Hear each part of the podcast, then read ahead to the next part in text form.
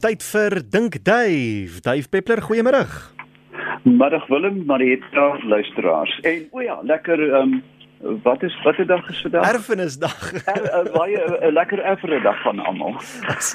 Dave, jy sê jy's so 'n bietjie besig met navorsing.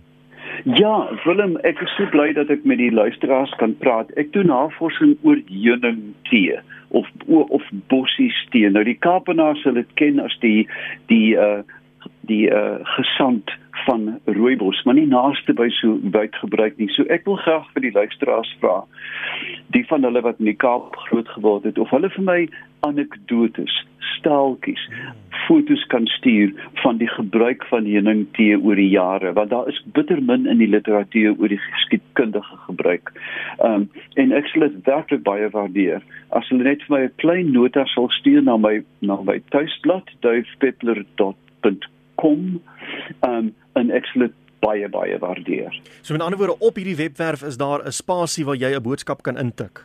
Ja, aan aan aan die voet aan die voet van die webwerf kontak Dave en dan kan hulle net hulle storieetjie daar intik of 'n dokument aanheg of 'n foto oh. aanheg. Dit is alles alles beskikbaar op hierdie um, op hierdie webwerf en dan gaan jy dit later uh, publiseer in 'n of ander vorm? Ja, dit, dit gaan uh, eerstens gaan dit in 'n in 'n populêre artikel uh vir die bedryf. Um en en dit is jy weet ek dink die tyd is reg dis 'n heilsame drankie dis baie lekker ek ken dit as kind van Robertson het ons eenmal 'n jaar gaan pluk in die berge en dan die jaar se voorraad gepluk en dan het jy as jy 'n houtstoof gehad het was daar altyd 'n keteltjie agterop mm. uh, vol heuning tee en jy kan hom 'n hele dag lank kook. Uh en dit was uh, dit is die grootste ding om by ouma te gaan teer en ouma het net ag Here het altyd weer boegelblare bygevoeg wat ek nie kon verdien nie. Maar nou ja. Um, want dan sê ons hier hipokondrie studie tot die horison. Nou goed, gaan help Dave Peppler met sy navorsing. Jy gaan ons op sy webwerf davepeppler.com. Kom ons val weg met die vraag hierdie kom van Marina en sy het 'n paar vrae oor diamante. Is dit die hardste stof dit vorm glo onderhewige druk uit koolstof as ek reg kan onthou. Blykbaar ja. smelt dit eers teen 4000 grade Celsius. In wat vorm diamante? Is dit vorm dit 'n vloeistof en wat noem mense terwyl dit besig is om te vorm? Is dit dan nog steenkool of wat is dit? Goed. Ek is nie 'n geoloog nie, maar nou moet ek diep krap. Diamante uh natuurlike diamante want mens kry eintlik ook kunsmatige diamante deesdae wat wat gekweek word in 'n laboratorium onder hoë druk in in 'n plasma vlam. Natuurlike diamante as daar nie suiwerhede by uh, onsuiwerhede by is, maar jy kry net blou, pink, geel diamante, is die hardste stof bekend. Ehm um, daar is een boron nit nitraat boron iets 'n uh, verbinding van boron wat byna so hard boor wat byna so hard is maar dis die hardste ding wat ons het en daarom kan jy met jou verloofring um, 'n um, liefdesboodskap op jou um, op die venster van die winkel skryf as jy gaan stap in die aand. Um, dan uh, is diamante ook netlik baie goeie isoleerders. Jy weet, mense sou dink omdat dit suiwer, suiwer, die suiwerste vorm van koolstof wat ons het. En dan as 'n mens na sy natuurlike element uh, ekwivalent kyk, is dit netlik grafiet. Uh, grafiet is so sag, jy weet, hulle gebruik dit in potlode. Ehm um, nou diamante word baie diep onder die mantel van die aarde gevorm en ehm um, waar uh, vrye koolstof heel moontlik in die vorm van grafiet onder ondenkbare druk en temperature dan kristallyn word. En dan wanneer daar 'n vulkaniese pyp na die oppervlakte gaan, dan word die diamante so uitgedra. Met ander woorde, diamante word nooit in die oppervlak gevorm nie, maar baie baie diep in die aarde. En hierdie pype staan bekend as kimberliet, natuurlik vernoem na Kimberley se magtige gat. Ehm um, waar uh, waar hierdie blou aarde die eerste keer opgemerk is. Um uh, in die, die luisteraar is reg, jy weet die die die druk en die en die temperature is byna ondenkbaar en eers onlangs kon ons dit naboots nie so as jy dan grafiet vat en jy sit dit in 'n drukkoker um, en jy verhit dit tot 5 6000 grade Celsius en onder druk wat jy nie kan dink nie dan sal klein diamante begin vorm in lagies en dit kan nou gebruik word. Uh, o ja, en hulle is ook baie goeie hittegeleiers en dit is hoekom hulle natuurlik in boorpunte ah. en skawe en goed, want ehm um, soos mense altyd goed weet dat as jy uh, lank genoeg boor dan word daai boorpunt rooi warm, maar diamant bly sit, hy kan nie hitte weglei. Ons beweeg na hierdie een van dit lyk soos Andrei. Vertel asseblief vir ietsie meer oor hierdie groen sluik wat ons in die damme kry, veral in die noorde van die land wat dit verswelg ons heeltemal uh, en dit frustreer die vissermanne. Het dit 'n ja. doel, het dit 'n siklus en hoe kry mense dit onder beheer? Kyk, eh, eh, die term sluik is baie wyd. Baie van die groen sluik is waterplante. Dit is nie 'n 'n 'n swam nie. Dit is 'n waterplant, 'n ware vaskulêre plant. Nou die die die prikkel vir enige dam wat groen word, enige rivier wat groen word, enige stuk see wat groen word, is oorverryking van mensgemaakte stowwe en veral nitrate. As jy kyk na die Drie rivier wat deur die Klein Karoo loop, waar die oewers oortrek is met wingerd loog vir al die nitrate en nitriete in die water in en dit is presies wat 'n alg wil hê want dit is voedingsstowwe en dan kom daar ware ontploffings, letterlik ontploffings van plante en en, en alge. Ehm um, om dit te beheer moet jy die bron van besoedeling kan wegvat. Jy moet ophou so jy moet sorg dat loogwater nie in die water beland nie en natuurlik riool. Ja. Ehm um, daar is natuurlik funksies dat indien jy uh, erg besoedelde water het, kan jy die uh, die sluik en die plante meganies verwyder en hulle bind vas aan baie van die van die besoedelingsstowwe. Met ander woorde, jy kan dit benut om om water in die langtermyn skoon te kry, maar tot tyd en wyl jy die bron van besoedeling afsny, gaan dit voorkom en die vissermanne moet maar gelief neem dat ehm um, hulle eintlik niks daaraan kan doen nie. Jy kan vir jou 'n stuk swaar ketting met twee ligte stukkies binddraad wat jy dan in die water gooi en dan vir jou 'n tonnel ooptrek. Jy verstaan? En dan trek jy nou die bol uit en dan kan jy nou in die gang kan jy toegang hê tot die oop water. Maar ek is bevrees dat um, dit gaan nie maklik weg nie. Ek ek weet hoe lyk die hartbeespoor dan. Ja, ja. Uh maar dis nou drywende plante maar hy's ook swaar besoedel en die water is grasgroen. Alet van Empangeni het hierheen ingestuur daar in die noorde van KwaZulu-Natal. Ons het daagliks 'n probleem met brommers is baie erg. Alles om my is skoon en gedip, maar steeds sit ons met die brommers. Nou my vraag is, ek het eendag 'n pastei in die mikrogolfoond gebak en toe ek die mikrogolf oopmaak, hier vlieg die brommer uit. So my vraag is, hoe oorleef hy daardie strale? Ja.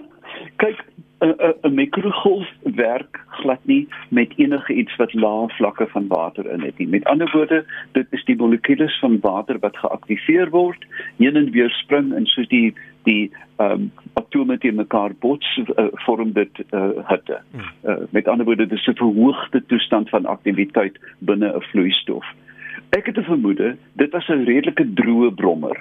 Ehm um, dat dat hy dat hy nie gekwyl het nie en dat sy blaas en dat sy blaas leeg was en daar was te min water in hom om om te aktiveer. So, mens vind dit ook met mure. Jy weet jy dink jou bliksem sê jy ek gaan die hele suikerpot nou in die mikrogolf sit en um, hulle stap eenvoudig doodluiters verder aan, ah. jy weet.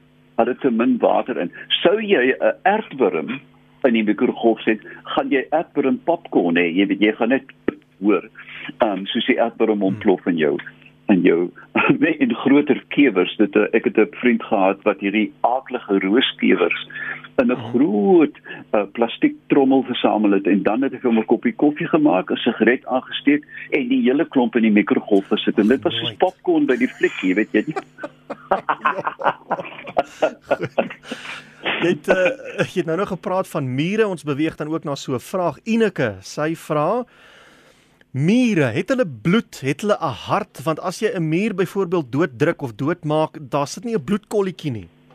Ja, kyk, eh, eh, eh, die die die kleur van bloed kan verskil. Daar is 'n 'n 'n primitiewe krap in Indonesië wat pot neonblou bloed het. Neonblou.